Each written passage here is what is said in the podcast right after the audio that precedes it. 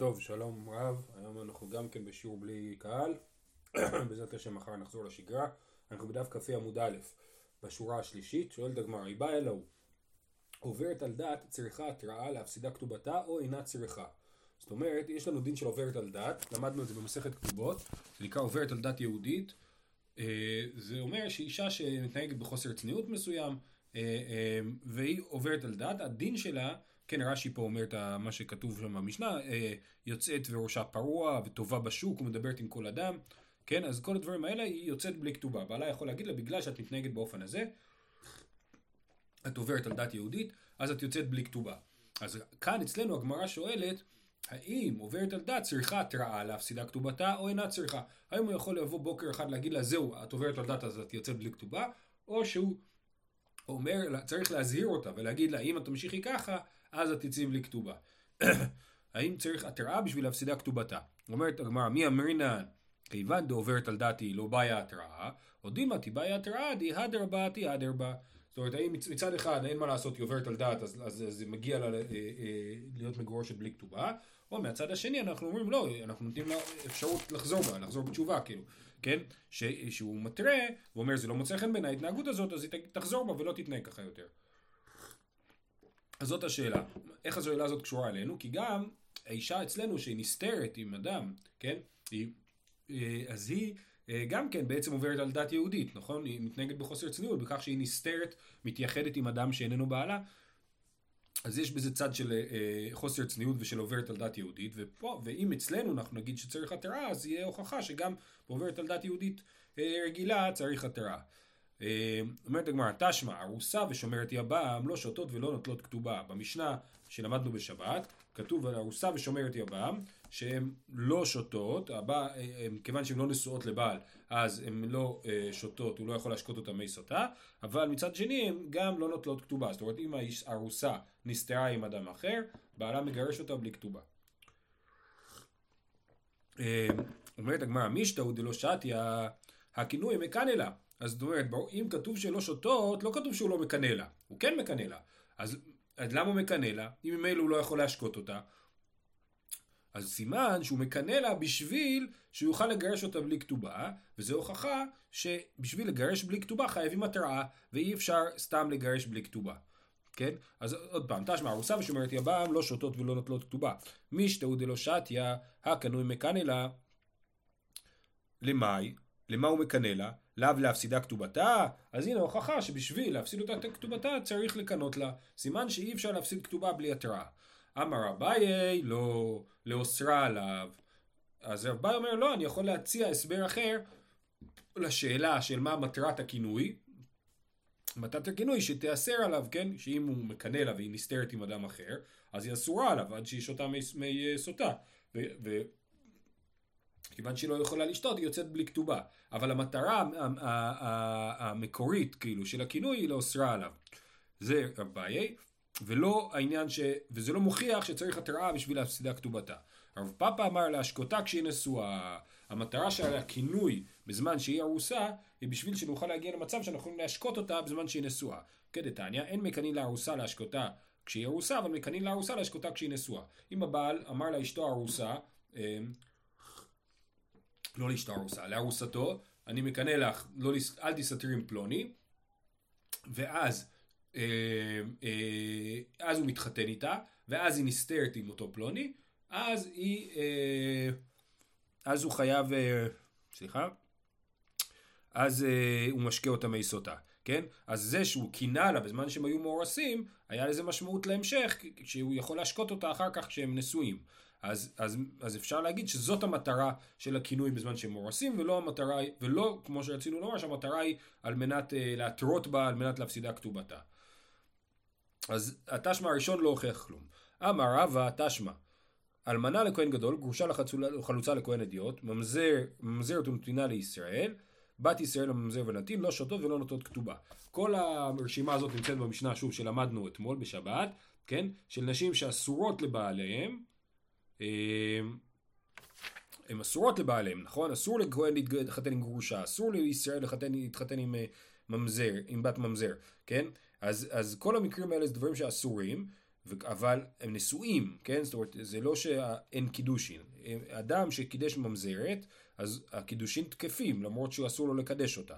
אז אם הם חיים ביחד, הוא יכול לקנא לה, אבל הוא לא יכול, אבל הוא לא יכול להשקות אותה מיסותה.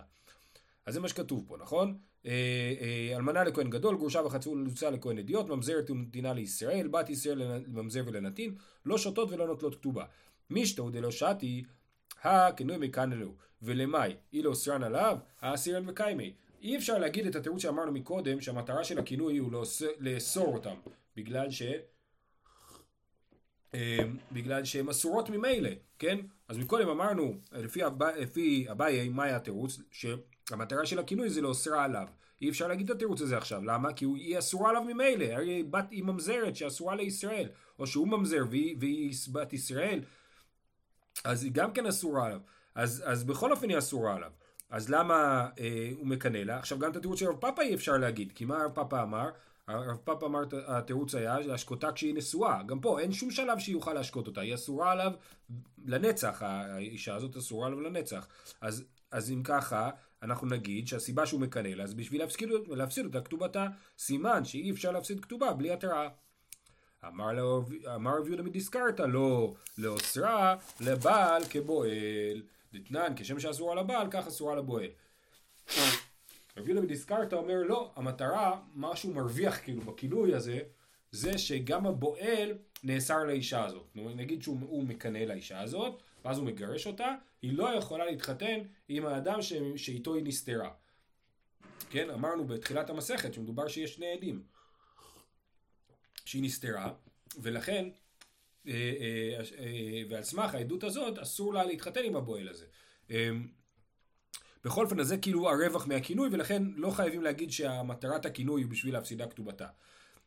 תשמע האחרון, וזו ההוכחה המוחצת, אמר רבי חנינא מסור, וגם זה לקוח מהמשנה שלנו, תשמע, ואלו שבית דין מקנין להן, מי שנתחרש בעלה או נשתתה, או שהיה חבוש בבית האסורין, אה, אה, כן? אז יש מצב שבית דין מקנא במקום הגבר, הגבר הוא, הוא לא יכול לקנות, כי הוא נגיד אה, שותה, או שהוא בכלא, והוא לא יכול לדעת מה קורה עם אשתו, בית הדין מקנא במקומו, כן? ולא להשקותה אמרו, אלא לפוסלה מכתובתה. בית הדין לא יכול אה, אה, להשקות אותה, כי זה בוודאי רק הבעל יכול להשקות את אשתו הסוטה, כן? אבל, אז מה, מה זה אומר שבית הדין מקנא? זה אומר שהוא אה, אה, מפסיד אותה כתובתה. אז יש לנו פה הנה מוכח שהמטרה היחידה של הכינוי הוא הפסדת הכתובה. סימן שבלי כינוי אי אפשר לעשות הפסדת כתובה וזה הוכחה שאי אפשר להפסיד אותה כתובתה בלי שיהיה לנו אזהרה מראש. אז בואו נקרא את זה שוב. תשמע ואלו שבית דין מקנאים להם מי שנתחרש בעלה או נשתתה או שהיה חבוש בבית האסורים ולא להשקותה אמרו אלא לפוסלה מכתובתה, שמע מינה באי התראה, שמע מינה, אז באמת זו הוכחה טובה. שואלת הגמרא אם זו כזאת הוכחה טובה, זה כתוב במפורש במשנה, למה היינו צריכים להביא קודם הוכחות לא טובות? וכולו מי תימא לא אמרי מאה, למה המוראים הקודמים לא הביאו את ההוכחה הזאת? תשובה, דילמה שניאתם דלית לאימתא דבעל כלל. זה תירוץ, אה, אה, אה, זאת אומרת, מה, מה יכול להיות שפה יש הבדל, שפה כן צריכים אה, אה, התראה לפסול אותה מכתובתה בגלל שאין לה שום אימה של הבעל. מסביר רש"י, דלית לאימתא דבעל כלל, ואי לאו דעתו בבית דינא לא הווה לן למקנסה. אם לא היה התראה לא היינו יכולים לקנוס אותה, דכיוון דלית לאימתא אין תימה בדבר אם עוברת על דת, ואין זה פריצות היתרה. אין, זה, אין בזה, זה מעניין הטענה הזאת, שרש"י אומר, שאם אין לה מה לפחוד מהבעל, אז ההתנהגות שלה לא מוכיחה על פריצות יתרה. אבל מי שבעלה אצלה ואינה יראה ממנו ועוברת על דעת פריצות היתרה תהית בה ואיכא לממר דבלאו התראה נמי מפסדה כתובתה. אז היינו יכולים לומר שבמקרה הזה של האיש אשת חרש ואשת מי שהיה בבית הסוהר אז היינו אומרים שבאמת אין בזה פריצות יתרה ולכן באמת צריך התראה אבל במקרה רגיל שהיא נמצאת אצל בעלה לא צריך התראה כי, כי זאת פריצות יתרה וככה היינו יכולים לחשוב ולכן לא הבאנו הוכחה מפה. אבל כן הגמרא הוכיחה מפה, סימן שהסברה הזאת היא לא נכונה בסופו של דבר, ובאמת המקרים הם אותם מקרים ואי אפשר לפסול אישה מכתובתה בלי אה, התראה. זהו. שאלה הבאה. אומרת הגמרא, היא באה להוא, איבאיה להוא, עוברת על דעת ורצה בעל לקיימה, מקיימה או אינו מקיימה? שזו שאלה מאוד מעניינת. האם הדין של עוברת על דעת, זה אומר שהבעל חייב לגרש את אשתו כשהיא עוברת על דעת, או שאנחנו אומרים לו, תשמע, עכשיו יש לך את הזכות לגרש אותה. אם אתה רוצה לגרש אותה, כיוון שהיא יוצאת וראשה פרוע, אז אתה יכול לא לתת לה כתובה. אבל אם אתה רוצה אה, להישאר איתה, אז בסדר גמור, כן? אז זו השאלה, האם עוברת על דעת יהודית זה סיבה שחייבים לגרש, או זו סיבה שאפשר לגרש בלי כתובה? אומרת הגמרא, מי אמירנן בכפידא דבעל תלה רחמנה והיה לו כפיד, או דילמה כיוון דקפיד, כפיד. זאת אומרת, מצד אחד אנחנו נגיד שהכל תלוי בקפידת הבעל, ולכן, אה, אה, ולכן אם הוא לא מקפיד אז אין פה דין של, אה, אין פה דין של גירושין בלי כתובה, או שאומרים כיוון דקפיד קפיד, זאת אומרת כיוון שרוב העולם מקפידים על דבר כזה, אז גם הבעל למרות שהוא ספציפית לא מקפיד, אנחנו נגיד שזה הקפדה שקיימת בכל אופן. תשמע, ועכשיו מנסים להביא הוכחה עוד פעם מאותה, מאותו מקור שראינו עכשיו, תשמע ואלו אמ, שבית דין מקנין להן, מי שנתחרש בעלה או נשתתה, או שהיה חבוש בבית האסורין, והיא אמרת רצה הבעל לקיימה, מקיימה, עבדי בית דין מידי, דדילמה לא ניחא לי לבעל. זאת אומרת, אם הבעל באמת יכול לא לגרש את אשתו כשהיא עוברת על דעת, אז כשבית הדין פה מקנאים במקום הבעל, יכול להיות שהם עושים משהו שלא מתאים לבעל לעשות. אז הם לא יכולים לעשות דבר כזה, הרי כל הרעיון שבית דין עושים במקום הבעל משהו, זה מתוך הנחה שזה מה שהוא רוצה, אז הם זכין לו שלא בפניו, הם עושים בשבילו משהו שהוא טוב לו. אבל אם אנחנו מעלים על דעתנו אפשרות שהבעל יכול אה, לא לרצות את הדבר הזה, ולהחליט שהוא לא רוצה לגרש את אשתו שעוברת על דעת, אז גם לגבי סוטה, הוא יכול להגיד שהוא לא רוצה לקנות לה, אז הנה, איך בית דין מקנא לה משהו שהבעל יכול לא לקנות. אומרת הגמרא, תשובה, סתמא דמילתא כיוון דעוברת על דתי מינך ניחא לה. מלך ניחא לי. אומרת הגמרא, נכון שהבעל יכול להחליט שהוא לא מקנא לאשתו, או לא מגרש אותה בלי כתובה, אבל, זה, אבל הסתמא דמילתא זה שכן, הוא, הוא מקנא לאשתו.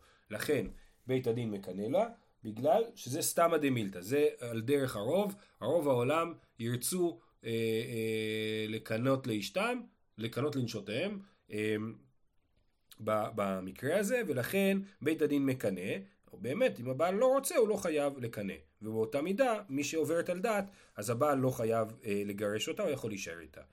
היא באה אלא הוא בעל שמחל על כינויו, כינויו מחול או אינו מחול. עכשיו יש פה שאלה נוספת, לכאורה היא חייבת להיות תלויה אם... עכשיו שנייה, בשאלה הקודמת לא הכרענו, הגמרא לא הכריעה, והיא אומרת, היא אה, עוברת על דת ורצה הבעל לקיימה, מקיימה או אינו מקיימה. פה זה מקרה אחר, לכאורה אה, רק למאן דאמר שהוא יכול לקיים אותה אם הוא רוצה, אז אנחנו עכשיו שואלים בעל שקינא לאשתו ואז הוא מתחרט על הכינוי, האם הוא יכול לבטל את הכינוי או לא, כן? היא באה אל ההוא, בעל שמחל על כינויו, כינויו מחול או אינו מחול.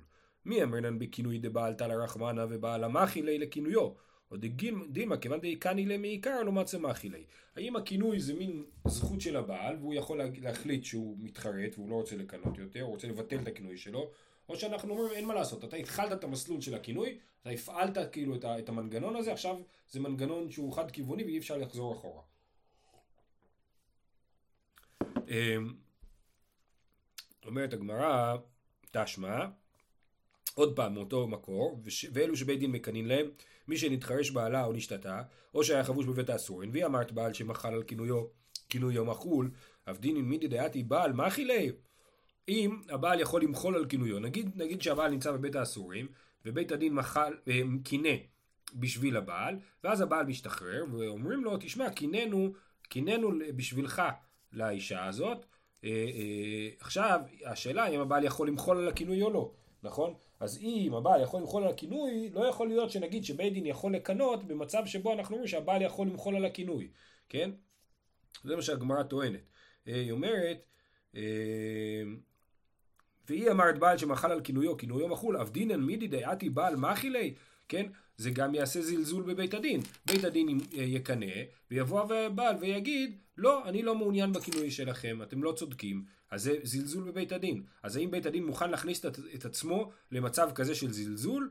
אומרת הגמרא, תשובה, אדם מסכים על דעת בית דין, זאת אומרת, סליחה, סתמא דמילתא אדם מסכים על דעת בית דין. זאת אומרת, סתם, סתם הדבר שכן אדם מסכים, והבית הדין לוקח את הסיכון הזה, של להגיד שאולי מדי פעם יהיו מקרים שבהם האדם לא יקבל את דעת בית הדין, הבית הדין מוכן למחול, למחול על כבודו בשביל אה, אה, לייצר את הסיטואציה הנורמלית שבה בית הדין כן יכול לקנות לאדם שנמצא בבית האסורים כרגע. לכן זה לא מוכיח, אה, לא מוכיח על השאלה אם אדם יכול למחול על כינויו או לא. תשמע, הוא מוסיר לו שני תלמידי חכמים שמא יבוא עליה בדרך, והיא אמרת בעל שמחל על כינויו כינוי המחול, לך לילי כינויו ולבעול. אה, אמרנו שכשהבעל לוקח את אשתו לבית המקדש, אחרי שהוא קינא לה והיא נסתרה, אז מוסרים לו שני תלמידי חכמים שישמרו בדרך שהוא לא יבוא עליה. אבל אם באמת אתה אומר שבעל יכול למחול על כינויו, אז מה, מה הסיפור עם השני תלמידי חכמים? הוא ילך איתה. אם הוא יחליט שבעצם היא מוצאת חן בעיניו אשתו, והוא לא רוצה להשקות אותה מיסותה, אז הוא יכול פשוט אה, אה, למחול על כינויו ולבוא עליה. ואז לא צריך שום תלמידי חכמים בסיפור הזה. אז, אז, אה, אז הנה, יש מכאן הוכחה שבעל לא יכול למחול על כינויו, עובדה שאנחנו צריכים שיש שני תלמידי חכמים ששומרים עליו. אומרת הגמרא, לא, זה בדיוק הפוך. מה ישנה תלמידי חכמים? דגמירי, דאיבאי למיבל, אמר לי, אח לי לכינוייך ובעלה. אמרו, לא, זה בדיוק הפוך. אם הבעל רוצה אה, לקנות, לבעול את אשתו, אז אומרים לו, אין בעיה, תבעול אותה רק אחרי שתמחל על הכינוי שלך. אם אתה לא תדע למחול על הכינוי, אז אתה לא יכול אה, אה, לבעול. לכן צריך שני תלמידי חכמים שידעו להסביר את הדבר הזה. אז יש מכאן הוכחה ש... אז כאן, מכאן הוכחה ש... אה, אין מכאן הוכחה שבעל יכול למחול על כינויו. תשמע, דאמר ביושיה, שלושה דברים סח לי זעירה מאנשי ירושלים. בעל שמחל על כינויו כינויו מחול, זקן ממרא שרצו בית דין למחול לו מוחלין לו, ובן צורר ומורה שרצו אביו ואמו למחול לו מוחלין לו. אז יש פה באמת שלוש דוגמאות מעניינות של כל מיני דברים שבאמת יש עליהם עונש, אה, עונש מוות אפילו, כן? סוטה זה חצי עונש מוות, כי זה נכון זה סוג של בדיקה, אבל זקן ממרא חייב, חייב מיתה, ובן צורר ומורה חייב מיתה. ואומרים בשלושת המקרים האלה, בעצם הגורם שהוא הגורם המרתיע, יכול למחול על הדבר, יכול להגיד לזקן ואומר, טוב זה בסדר שחלקת עלינו, אנחנו לא נהרוג אותך. ולבן סורר ומורה אנחנו נגיד, זה, זה בסדר שהתנהגת, זה לא בסדר שהתנהגת ככה, אבל אנחנו לא נעניש אותך. אמ, ומכאן הוכחה, כן, במפורש, שבעל שמחל על כינויו, כינויו מחול. שמע מן הבעל שמחל, ואז, וסליחה, סליחה, ואומר, ממשיכה הברייתא ואומרת, וכשבאתי אצל חבריי שבדרום, מי, מי אומר את זה? רבי יושיע, כן? הוא אומר, כשבאתי אצל חבריי שבדרום, על שניים הודו לי ועל זקן ממרא לא הודו לי, שלא ירבו מחלוקות בישראל. זאת אומרת, לגבי זקן ממרא הם לא הסכימו, הם אמרו, זקן ממרא, אי אפשר לוותר לו על זה. אם הוא זקן ממרא, הוא חייב לדעת שהוא חייב מיתה. ואם הוא יתנהג כמו זקן ממרא, הוא חייב מיתה. אבל אה, לגבי שני המקרים האחרים באמת אפשר למחול. שמע מן הבעל שמחל על כינויו, כינויו מחול, שמע מן ה... עכשיו יש פה מחלוקת נוספת על לגבי המחלוקת, על לגבי השאלה הקודמת.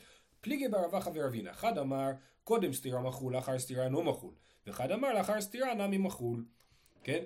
יש מי שאמר שהבעל יכול למחול על הכינוי שלו לפני הסתירה, ויש מי שאמר שהבעל יכול למחול על הכינוי שלו אפילו אחרי הסתירה. זאת אומרת, הכינוי הזה אמרנו שהבעל אומר לאשתו אל תתייחדי עם פלוני. כן? אל תסתיר עם פלוני, אז הוא קינא לה. ועכשיו, אם היא נסתרה, הוא משקה אותה מיסודה.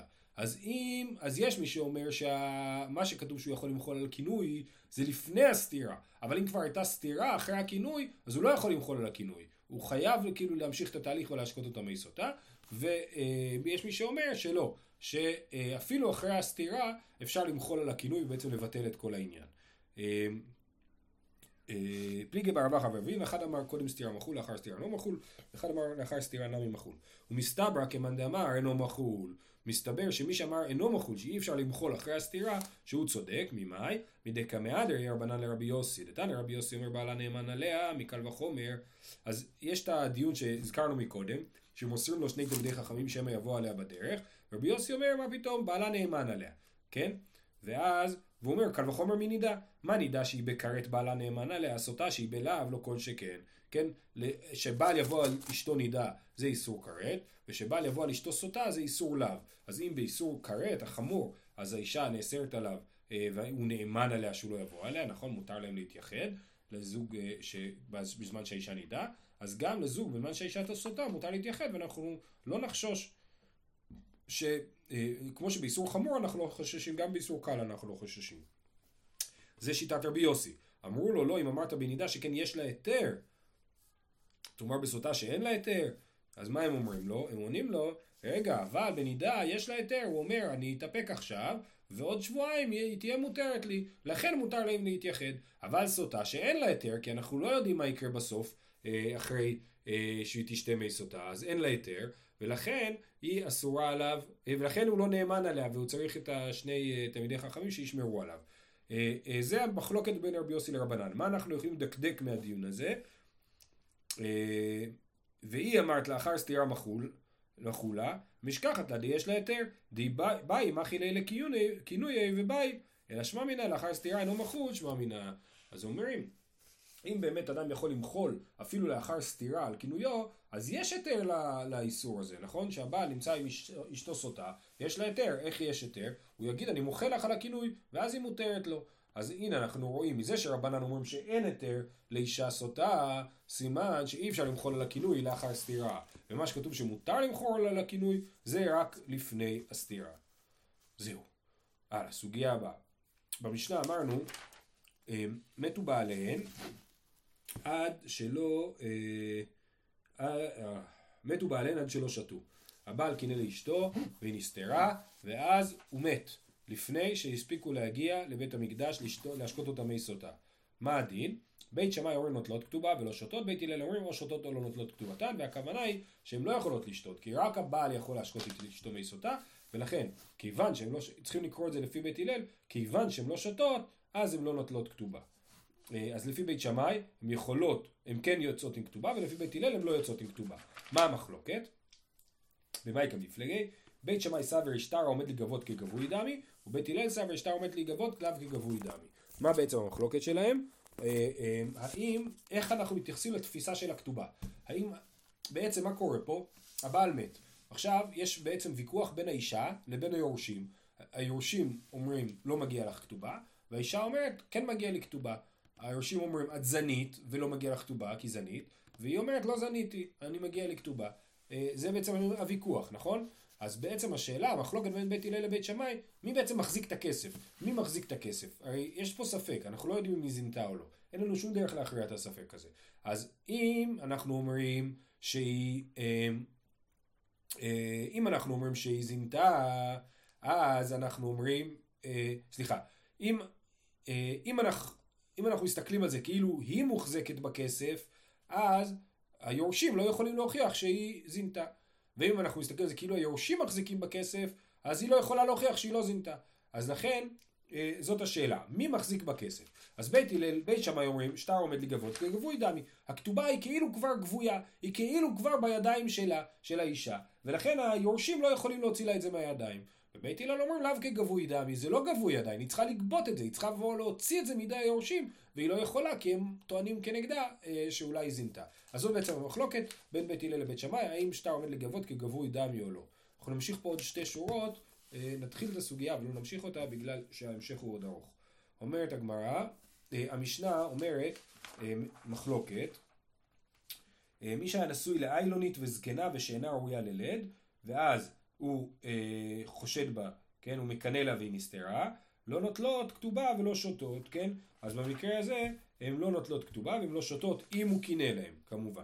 אומרת הגמרא, אמר רב נחמן, אמר בר אבוה, אה סליחה, ובמשנה יש מחלוקת, רבי אליעזר אומר, יכולו לישא אישה אחרת ולפרוט ולרבות ממנה.